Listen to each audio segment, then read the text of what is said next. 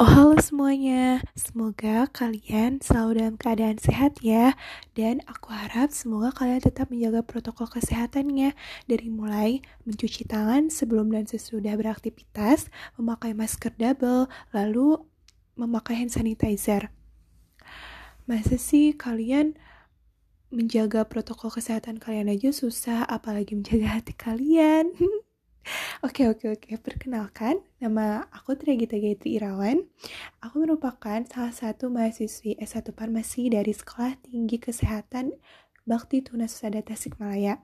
Mana nih orang Tasikmalaya? Ayo ayo kita merapat.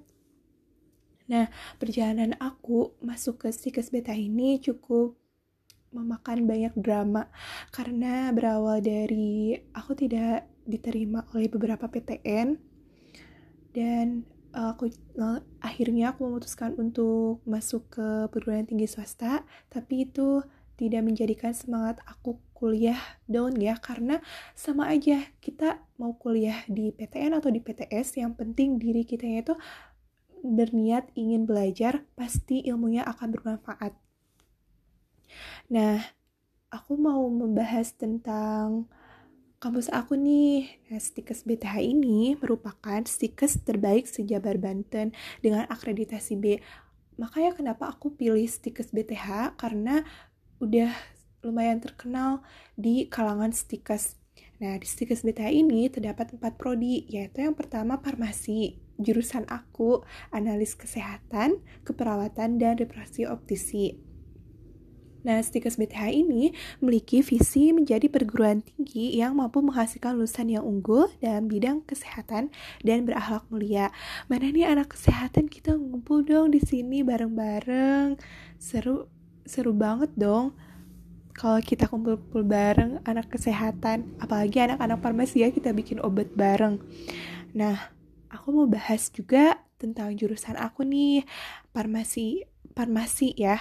Nah, kalian pasti banyak kan yang udah tahu tentang farmasi, tapi di sini aku mau coba ulang untuk menjelaskan farmasi itu apa. Farmasi merupakan program studi yang masih termasuk dalam ilmu kesehatan yang berfokus pada obat-obatan, baik yang alami maupun sintetis. Nah, apa saja sih yang dipelajari di jurusan farmasi? Yang pertama itu ada farmaseutika dasar. Nah, farmaseutika dasar ini di sana kita akan diajari tentang dosis obat, dan membaca resep yang sudah diberikan oleh dokter.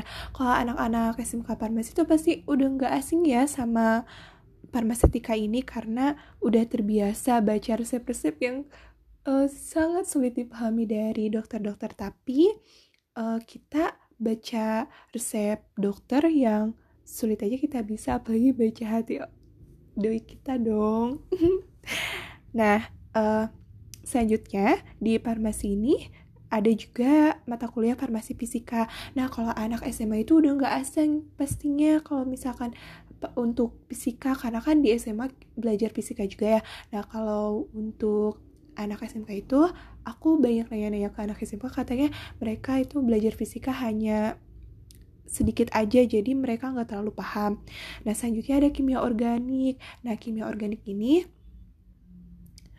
mempelajari tentang kimia tapi lebih ke organiknya jadi lebih um, mendasar lagi kalau anak SMA udah nggak asing juga ya tentang kimia itu terus ada biokimia terus ada anfisman nih di anfisman ini paling seru banget karena anfisman ini uh, singkatan dari anatomi fisiologi manusia. Jadi di sini kita akan belajar tentang anatomi tubuh manusia.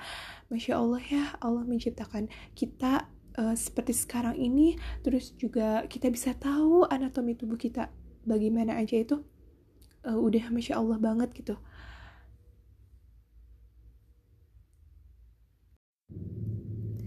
Dan masih banyak lagi mata kuliah yang akan kalian tekuni kalau misalkan kalian masuk di jurusan farmasi. Dan tentunya seru banget dong kita jadi bisa tahu.